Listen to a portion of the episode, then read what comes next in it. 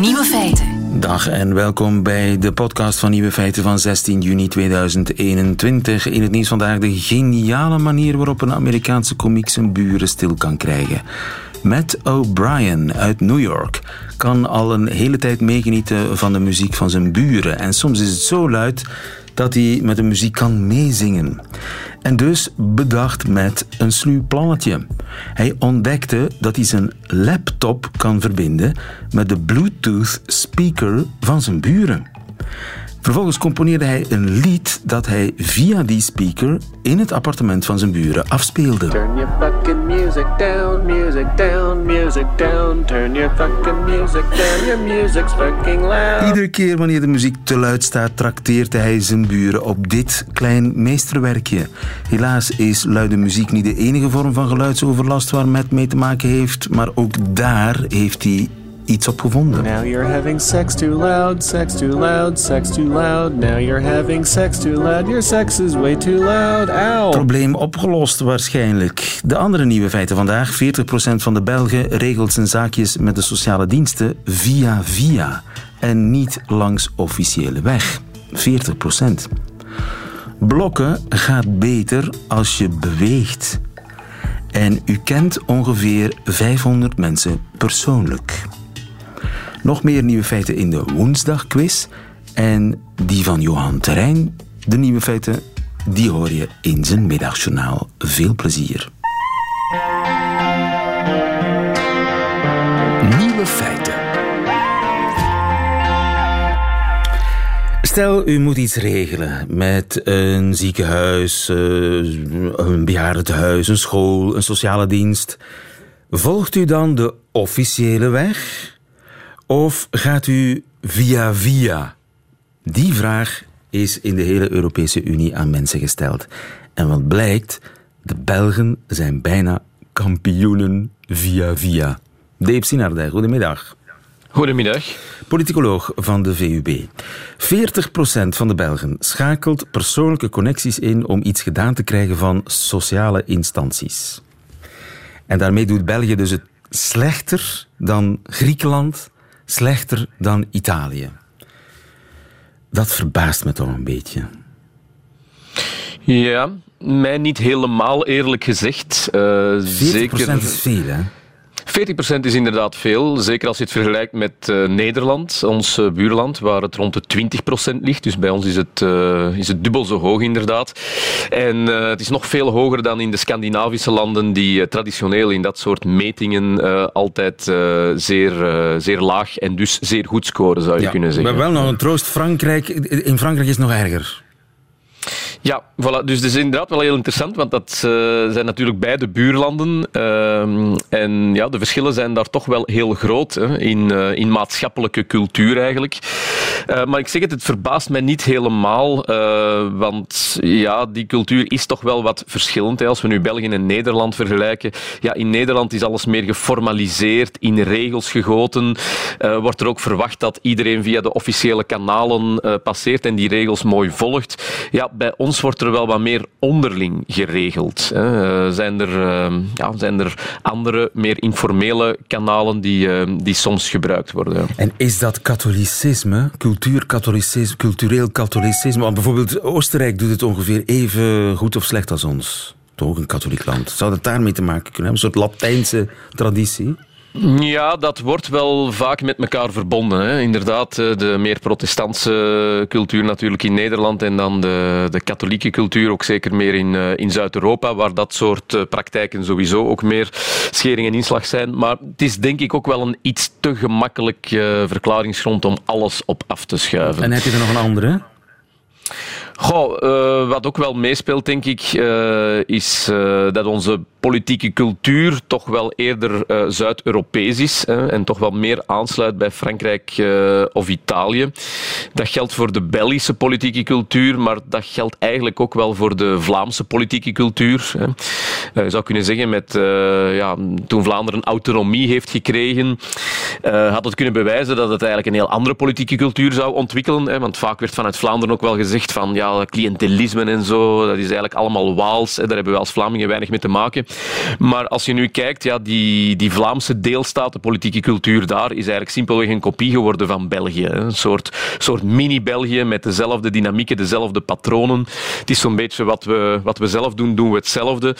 Dus, uh, dus het heeft voor een deel toch wel te maken met, uh, ja, met, met, een, met een nationaal gegeven. Hè, dat natuurlijk niet in, niet in de natuur is ingegeven, dat voor een stuk ook door, eh, door de geschiedenis is gegroeid, door een lange gezamenlijke geschiedenis. En dan heb je het over cliëntelisme. Want ja, vroeger als je een telefoonaansluiting wou, dan ging je naar eh, de schepen of naar de burgemeester of in ieder geval naar de politicus die je kende en die regelde dat voor jou. Ja, klopt. Uh, burgemeesters hadden vroeger. En het eerste telefoontje was van de burgemeester. Ja, ja, ja, burgemeesters hadden vroeger inderdaad ook vrij openlijk zitdagen. Hè. Dus uh, dat was ofwel op hun kantoor of soms was dat ergens ook in een achterafzaaltje van een café. En uh, inwoners van de gemeente die konden dan uh, met al hun mogelijke problemen langskomen en dan ging daar wel een oplossing voor, gezorgd, voor gezocht worden. Ja, het kampioen van het cliëntelisme is de vader van onze huidige premier. Hè? Die, was Klopt, ook, die, die maakte daar geen geheim van. Die gaat daar inderdaad ook prat op. En eigenlijk vandaag zijn er nog altijd wel heel wat burgemeesters die dat doen. Hè. Uh, er zijn er minder dan vroeger die er echt voor uitkomen. Sommigen doen het ook niet meer, maar uh, ja, stellen dan andere kanalen wel ter beschikking om toch ook uh, contact met hen te houden. En op zich is het natuurlijk belangrijk dat een burgemeester voeling houdt met zijn, zijn bevolking. Hè. Dat is dan meestal ook wel het argument dat gegeven wordt door burgemeesters, door schepenen, door allerlei politici om dit soort praktijken inderdaad in stand te houden. Hè. Ze zeggen dan van kijk, is belangrijk om te weten wat er leeft. En het is inderdaad zo dat dat daarom niet wil zeggen dat ze per definitie oneigenlijk gaan tussenkomen hè, en de mensen die hen contacteren echt uh, gaan bevoordelen. Maar de grens is natuurlijk in de praktijk wel dun. Hè. Stel, als je als burgemeester een vraag van een bewoner doorspeelt aan je administratie, ja, dan is daar puur formeel niets mis mee. Hè. Maar de kans is natuurlijk wel groot dat die ambtenaar, die uiteindelijk toch wel afhangt van de burgemeester, daar met net iets meer interesse en welwillendheid naar zal kijken dan wanneer die vraag gewoon van de eerste, de beste burger zelf komt. Hè. En dus, dat is dan ten uh, nadele van de, de eerste, de beste, de burgemeester. Er is altijd iemand een voordeel en iemand een nadeel bij dat systeem. Ja, ja dat, is, dat is toch wel zo. Hè. Ja. Nu, veel politici hebben daar komaf meegemaakt. Uh, geen zitdagen. Dat, was, eh, dat werd beschouwd door uh, die politici als iets van vroeger. Dat in een, in, in een modern land zou dat niet meer mogen kunnen. Maar kennelijk zit dat toch heel diep in onze cultuur verankerd. Ja, en dat onderzoek uh, dat wijst daar ook een beetje op. Hè. Dat inderdaad die, die bredere maatschappelijke cultuur, ook, ook zelfs een beetje los van de politiek, hè, mensen die, ja, zoals ik al zei, hè, die, die, die geneigd gaan zijn om dingen uh, onderling te regelen in plaats van misschien de officiële kanalen te volgen, ja, dat zie je dan ook echt in onze, in onze partijpolitieke cultuur tot En ik moet toegeven, komen, Dave, als ik op de VRT iets moet regelen, probeer ik dat ook onderling te doen. Ik, als ik via de bazen ga, dan komt het er gewoon niet van. Vaak. Ja, voilà. Maar je moet misschien eens vragen aan jouw Nederlandse... Je moet misschien eens vragen... Ja, ik werk niet op de VRT, dus ik kan dat niet zo beoordelen. Grote maar, bedrijven, ja, ja, Het, het, zit in ons allemaal. Je moet, misschien, je moet misschien eens vragen aan je Nederlandse collega's die bij de, bij de Nederlandse omroep werken, of, dat, of dat op dezelfde manier gebeurt. Uh, waarschijnlijk denk ik dat zij toch zullen zeggen dat dat bij hen misschien iets formeler allemaal verloopt dan, uh, dan bij jou. Het hoort bij de Belgitude, zullen we maar zeggen. Maar nog een ander hallucinant cijfer misschien zelfs nog hallucinanter, 10% schuift daarbij geld onder tafel. Ja. Dus en dat is dan scholen, natuurlijk... gezondheidszorg, sociale zekerheid, paspoorten regelen, politiezaken. 10%. Daar schrik ik echt van. Geld. Ja, dat vind ik inderdaad ook al iets verbazender, want dat is dan echt wel corruptie eigenlijk. Hè? Dat je in ruil voor geld bepaalde uh, faveurs gaat, uh, gaat toekennen. Uh, dat is iets dat uh, we natuurlijk ook wel in onze geschiedenis en ook in onze politieke geschiedenis gekend hebben op grote schaal. Hè? Een aantal grote omkoopschandalen. Maar blijkbaar op kleine schaal ja, bestaat die praktijk ook nog altijd. En je kan je dan zelfs afvragen of die 10% niet wat onderschat is. Want ja, het is misschien toch ook niet zo evident om in uh, een survey te, te, gaan toegeven. Inderdaad, hè, het is niet echt sociaal wenselijk om dat toe te geven. Ja. Dus, uh, dus die, die, die 10% lijkt me dan ook wel echt een minimum te zijn eigenlijk. Uh, moeten wij hier nu lessen uittrekken? Uh, kunnen we hier lessen uittrekken? Kan dit anders? Kan dit beter? Zal dit ooit veranderen? Goh, ik denk dat het heel hardnekkig is. Uh, in de jaren negentig had, uh, had, iedereen de mond vol van nieuwe politieke cultuur. Hè, ook omdat we na, na Zwarte Zondag, uh, men zag dat dan als een uiting van vertrouwensbreuk tussen de burger en de politiek. En die vertrouwensbreuk zou er dan onder meer gekomen zijn door een politieke cultuur van cliëntelisme en, en van, ja, van, ja, van, van aan, allerlei mistoestanden. Pa paars wou een modelstaat maken. Voilà, inderdaad. En het is wel zo dat een aantal zaken wel wat uh, hervormd zijn, maar ten gronde, ik denk dat veel zaken ook wel onder de waterlijn verdwenen zijn. Hè. Dus de heel ostentatieve zitdagen en, en ostentatief uh, ook gaan, gaan zeggen van kijk, ik heb dit en dat voor u geregeld, dat zal misschien uh, iets minder voorkomen, maar dat wil niet zeggen dat de onderliggende praktijken daarom, daarom verdwenen zijn. En effectief, dit onderzoek wijst daar ook wel op. Um, je zou eigenlijk kunnen zeggen, heel de zaak Siham El Kawakibi, die we in alle details hebben kunnen volgen de voorbije maanden, is daar misschien ook een uiting van. Het ging eigenlijk ook om iemand met een goed persoonlijk uh, netwerk, uh, goede contacten, die blijkbaar ook wel allerlei zaken gedaan kreeg buiten de officiële kanalen. Hè. Hier dan de officiële subsidiekanalen. Ook dat zou je kunnen zien als een uiting van die, uh, van die politieke cultuur. En in die zin zou je kunnen zeggen dat Siham El Kawakibi dan ook wel goed geïntegreerd is geraakt in onze Belgische politieke cultuur. Zo is dat. En uh, culturen sterven langzaam, dat weten we. Dave Sinardij, dankjewel. Goedemiddag. Graag gedaan. Nieuwe feiten.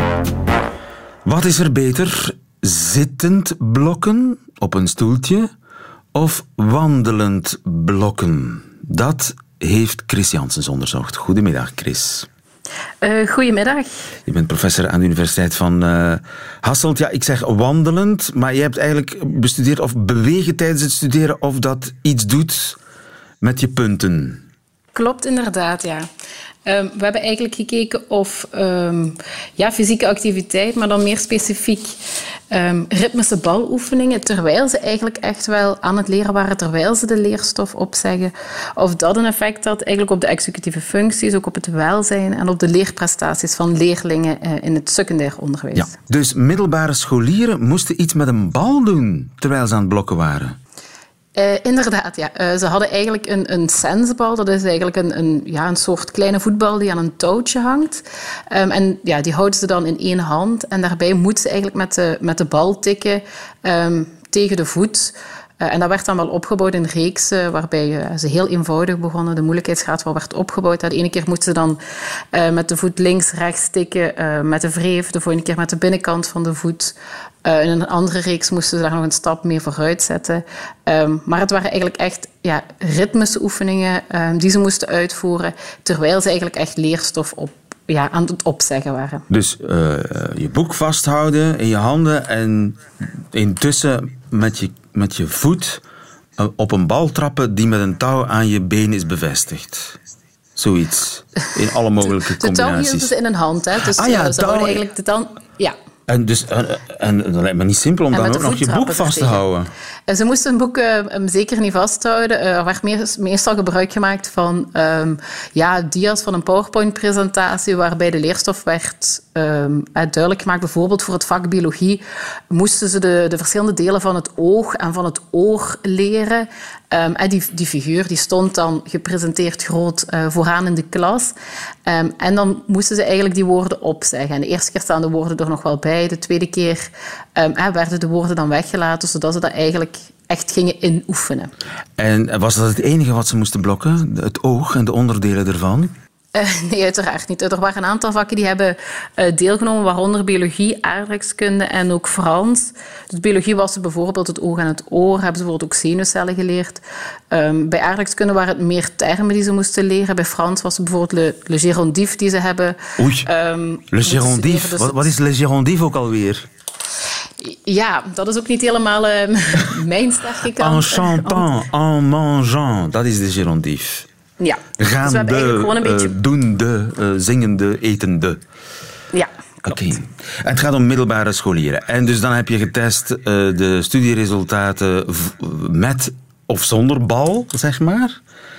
Ja, we hadden dus eigenlijk twee groepen. Een, een controlegroep die helemaal geen trainingen uitvoerde. En dan um, ja, de, de trainingsgroep die dan vijf weken de training hebben uh, uitgevoerd. En toen hebben we eigenlijk voor, zowel voor de trainingen als na de training gekeken naar um, ja, hun leerresultaten, naar de scores op de toetsen, ook naar hun welzijn met een vragenlijst en um, naar de executieve functies met een aantal ICT-testen. Executieve functies, wat is dat ook alweer? Ja, um, dat, ja, dat zijn eigenlijk de processen in onze hersenen um, die zorgen dat we eigenlijk ons gedrag bewust kunnen sturen. Um, eentje daarvan is bijvoorbeeld het werkgeheugen, dat belangrijk is voor het behoud, ook de verwerking van informatie. het gaat bijvoorbeeld ook over inhibitiecontrole. Um, dat is eigenlijk meer het, kunnen weerstaan aan verleiding of ja, aan, aan impulsiviteit een beetje in het handelen. Um, dus er zijn een aantal executieve functies die eigenlijk heel belangrijk zijn, die ons gedrag eigenlijk sturen. Ja. En dus op al die punten eh, heeft u gecontroleerd of die baloefeningen een effect hadden. Wat bleek? Um, na die vijf weken zagen we dus in de trainingsgroep um, dat er dus een effect was op het werkgeheugen. De leerlingen hadden eigenlijk minder tijd nodig om een taak uit te voeren. Um, daarnaast vonden we ook op welzijn een effect op, op de sociale relaties en op het pedagogisch klimaat. En als laatste eigenlijk ook nog een heel, heel mooi resultaat is dat, dat uh, de scores van de toetsen van de deelnemende vakken, dat ze daar eigenlijk een half punt op tien uh, beter op scoorden. En is dat uit te leggen? Ga je makkelijker memoriseren terwijl je beweegt? Ja, eigenlijk omdat ze echt die, ja, die dubbeltaak moeten uitvoeren van zowel um, ja, het, bewegen, het motorische, als ook het opzeggen van de leerstof, meer het cognitieve. Die combinatie zorgt ervoor dat je eigenlijk specifieke gebieden in de hersenen gaat stimuleren. Um, dat die extra gestimuleerd wordt, dat er nieuwe verbindingen worden gelegd. En ja, zorgt dat inderdaad ook voor, voor extra positieve effecten. Ja. Maar je, je voelt je ook beter achteraf. Uh, ja, en dat, dat, dat bevestigen de leerlingen ook wel zo als we met hen spraken. Dat, dat, dat, dat, ja, dat ze er ook heel gemotiveerd waren. En ja, natuurlijk is motivatie voor leren ook heel belangrijk om leerwinst uh, te kunnen bieden. Hè. Ja. En het welzijn uh, heeft er natuurlijk uh, een heel belangrijke rol in. Ja, maar zou je die sport ook tussen het blokken door kunnen doen? Zou dat niet evenveel effect hebben, denk je? Uh, je bedoelt tussen het blokken door in plaats van eigenlijk Tijdens. Uh, in de klas? Ja.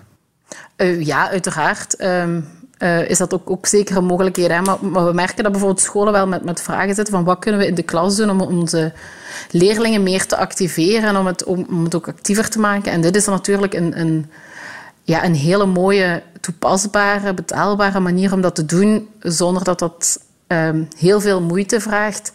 Um, en waardoor leerlingen natuurlijk, hè, ze zitten zeven uur per dag in de les, ook wel eens de nodige afwisseling krijgen.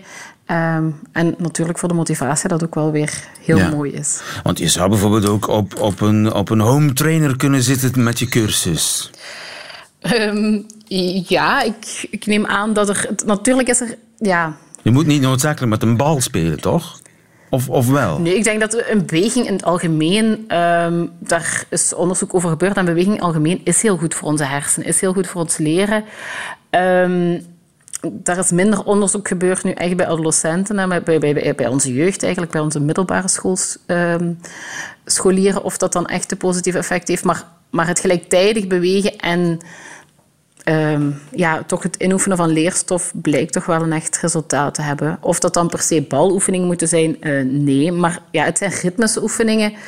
Um, ja, die eigenlijk ook in de klas heel synchroon gebeuren, waardoor er waarschijnlijk wel wat... Um, wat extra effecten zijn. Maar ja, dat is iets wat we eigenlijk nog graag verder zouden onderzoeken. Ja. Ah, want misschien is het ook belangrijk dat je dat echt klassikaal doet, met z'n allen samen.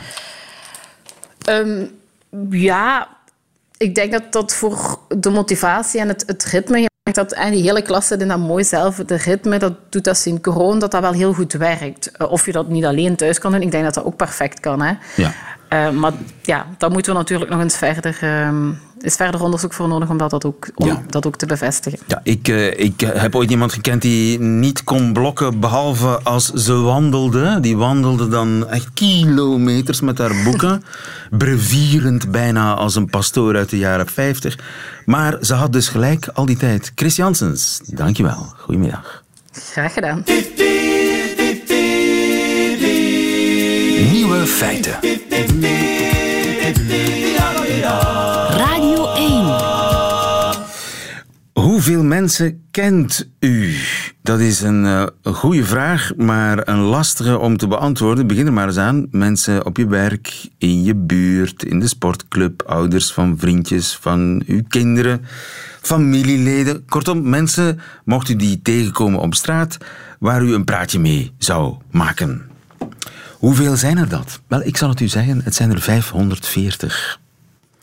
Dat heb ik niet bedacht. Dat uh, heeft onder meer Renze Korten becijferd. Goedemiddag, Renze. Goedemiddag. Van de Universiteit van Utrecht, hoofddocent sociologie. Ik ken dus volgens u ongeveer 540 mensen. Dat is in ieder geval het gemiddelde voor Nederland, ja. en uh, hoe in godsnaam weet u dat? Uh, dat is inderdaad niet heel, uh, heel makkelijk uit te zoeken. Het is, uh, we kunnen vrij makkelijk vragen naar hoeveel, hoeveel goede vrienden hebt u bijvoorbeeld. Dat gebeurt in vragenlijstonderzoek veel. Um, maar hoeveel mensen in het algemeen kent is lastig te vragen. En daar, daar hebben wij een, een, soort statistische truc voor. Aha. Je, je, je, kan bijvoorbeeld vragen stellen als hoeveel mensen kent u die Jan heten? hoeveel mensen kent u die Ali heten? Hoeveel mensen kent u die vorig jaar uh, een tweeling hebben gekregen? Of hoeveel mensen kent u die vorig jaar een huis gekocht hebben?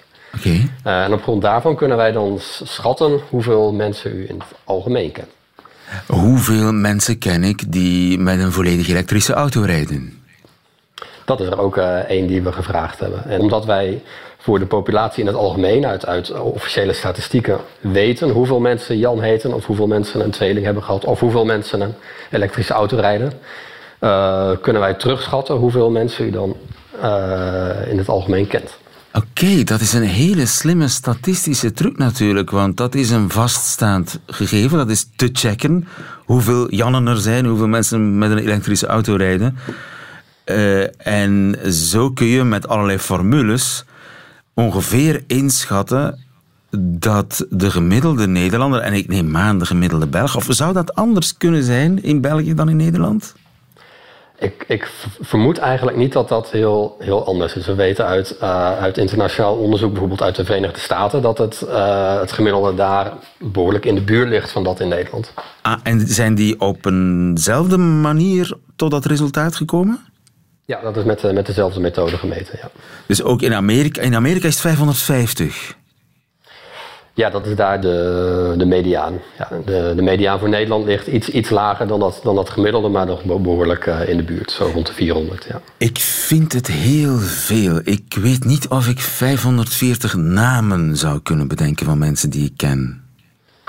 Ja, veel, veel mensen zijn, zijn verrast door dat, door dat hoge aantal. Uh, maar toch, als je, ja, zoals je in het begin al zei, als je, als je lijsten gaat maken van wie je allemaal kent via je werk, uit de, uit, uit de buurt, via, via opleiding, via kinderen, via familie, via familie van je partner, et cetera. Als je al die mensen zou gaan opnoemen, dan kom je toch al, al vrij gauw aan honderden mensen. Uh, en dan is zo'n zo gemiddelde van tegen de 500 eigenlijk niet, niet zo heel verrassend. Maar er zit uiteraard wel een grote variatie nog tussen mensen. Zijn er grote individuele verschillen? Zijn er mensen die duizend mensen kennen en mensen die twintig mensen kennen? Ja, die verschillen die, die zijn er. En dat weten we ook uit uh, eerder, eerder onderzoek dat die, uh, dat die verschillen bestaan. We hebben voor, voor deze data nog geen gelegenheid gehad om, om naar individuele verschillen te kijken.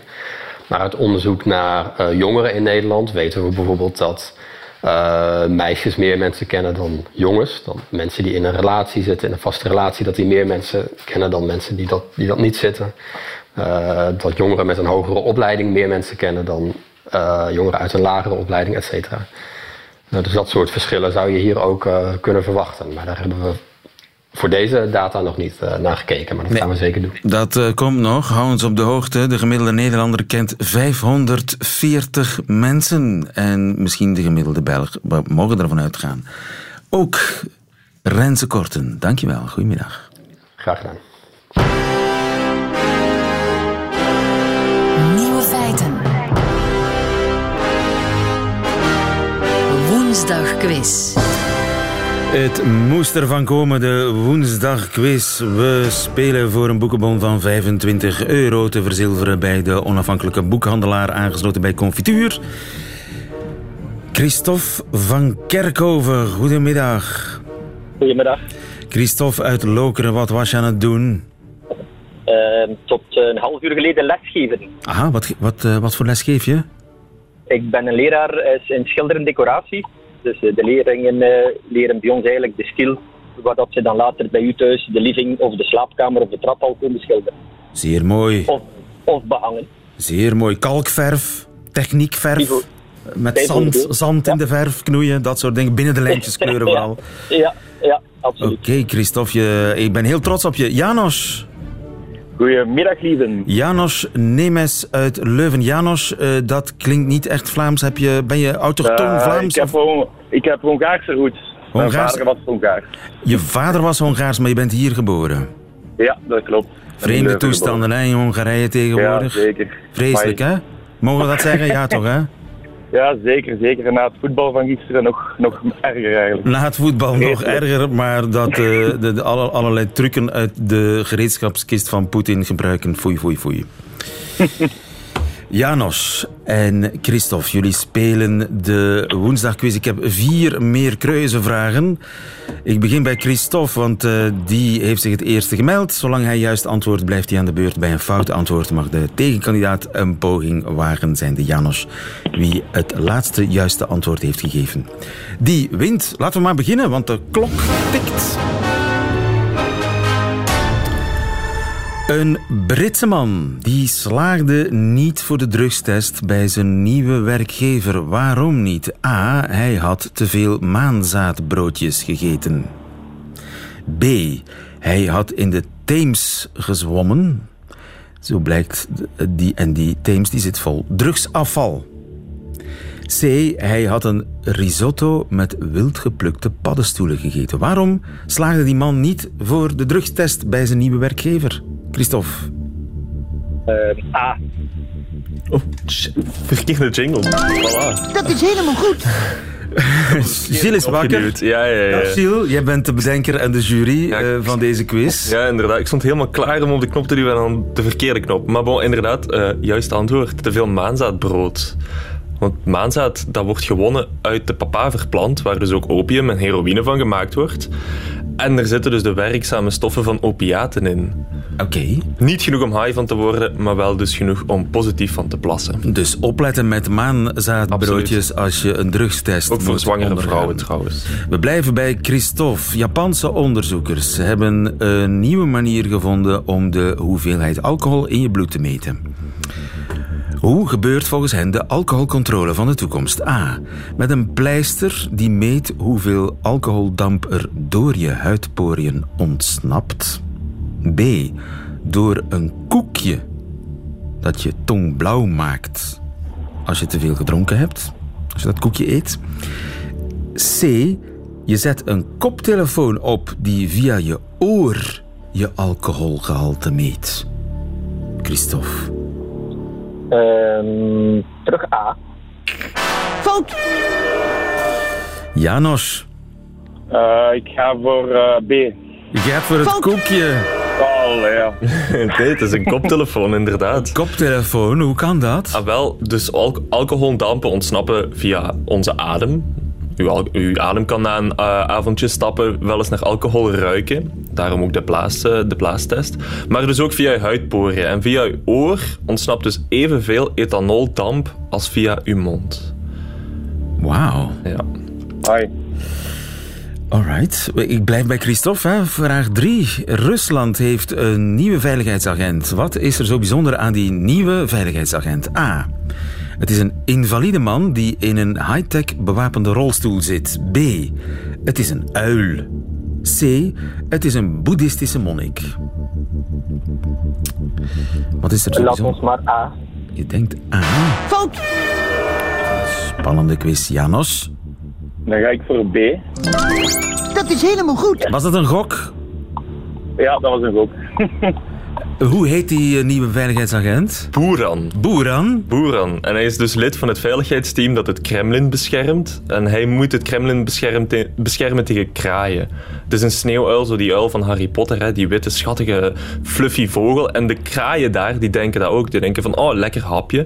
Dus die vliegen dan op Boeran af. Maar wanneer dat gebeurt, krijgt Boeran hulp van zijn collega's. Namelijk Astour de havik, Filia de uil en Zeus de torenvalk die de kraaien komen wegjagen. En eh, waarom houdt het Kremlin niet van kraaien? Ja, om- ja, omdat dat beesten zijn die een slechte reputatie hebben en misschien de boel helemaal onderkakken. Het zijn, zijn er te veel. Het zijn er te veel. Oké, Janos. Ook in het Kremlin hebben ze last van te veel kraaien. Vierde vraag. Voor jou, cruciale vraag. Heb je die goed, dan win je. Oké. Nieuw onderzoek heeft een interessant inzicht gegeven in koeien. Wat hebben de onderzoekers ontdekt over koeien? A. Hoe rustiger de koe, hoe kleiner haar hersenen. B. Koeien met grote uiers zijn minder aantrekkelijk voor stieren. C. Ze lusten graag vlees. Ik ga voor B. Fout. Christophe. Ehm Stel me niet teleur, Christophe. A. Je denkt A. Dat is helemaal goed. Spijtig. We hebben een winnaar.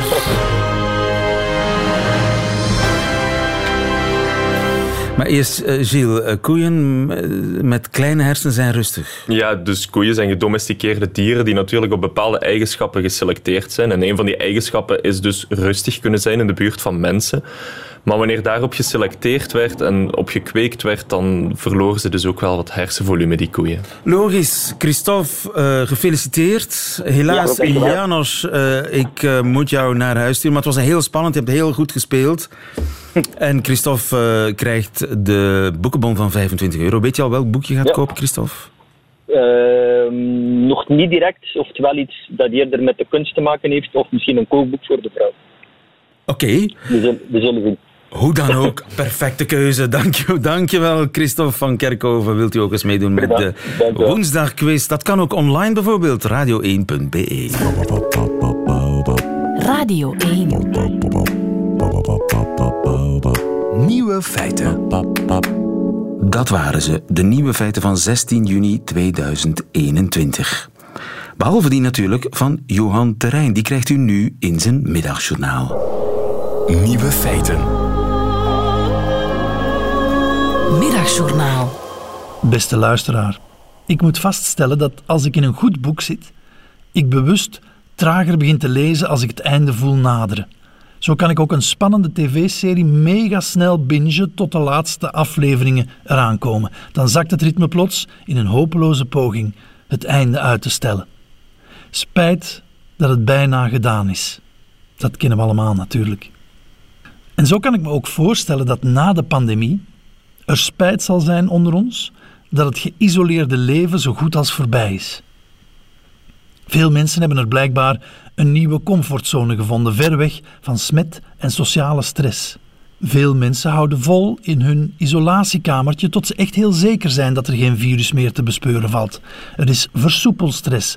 Nochtans gaat het leven verder. Want naast spijt dat het bijna gedaan is, is spijt blijkbaar ook een gevoel dat goed floreert op een sterfbed. Terugblikkend op het leven gaat het vaak over spijt over de dingen die we nagelaten hebben te doen, eerder dan over de dingen die we hebben gedaan. Ik heb het eens voor u opgezocht. De meest voorkomende verzuchtingen op het sterfbed klinken als volgt. Was ik maar trouw gebleven aan mezelf in plaats van te doen wat anderen van me verwachten. Had ik maar niet zo hard gewerkt, dan had ik meer tijd voor mijn gezin en andere geliefden gehad. Had ik mijn emoties en gevoelens maar meer durven laten zien. Had ik maar contact gehouden met mijn vrienden en meer tijd met ze doorgebracht. Had ik mezelf maar wat vaker toegestaan gelukkig te zijn. Nu ik dit lijstje lees, waarschuw ik meteen mijn vrienden. Ik heb u gemist. Misschien heb ik u zelfs vanuit een soort coronagemak een beetje verwaarloosd, omdat het simpeler was in de eigen schulp te kruipen en te blijven en zo het gemis niet langer zo fel te voelen. Het harde werken deed ik er gewoon bovenop. Aangezien ik nu de twee grote spijtfactoren voor ogen zie die ik op mijn sterfbed niet wil begroeten, ken ik mijn prioriteiten voor de komende jaren. Want ooit leek ik op dat sterfbed en dan valt er niks meer te herstellen.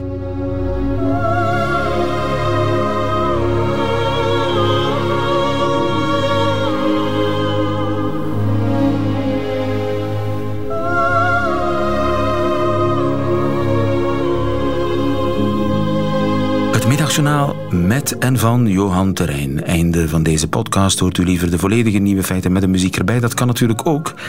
En wel via radio1.be of via de Radio 1 app.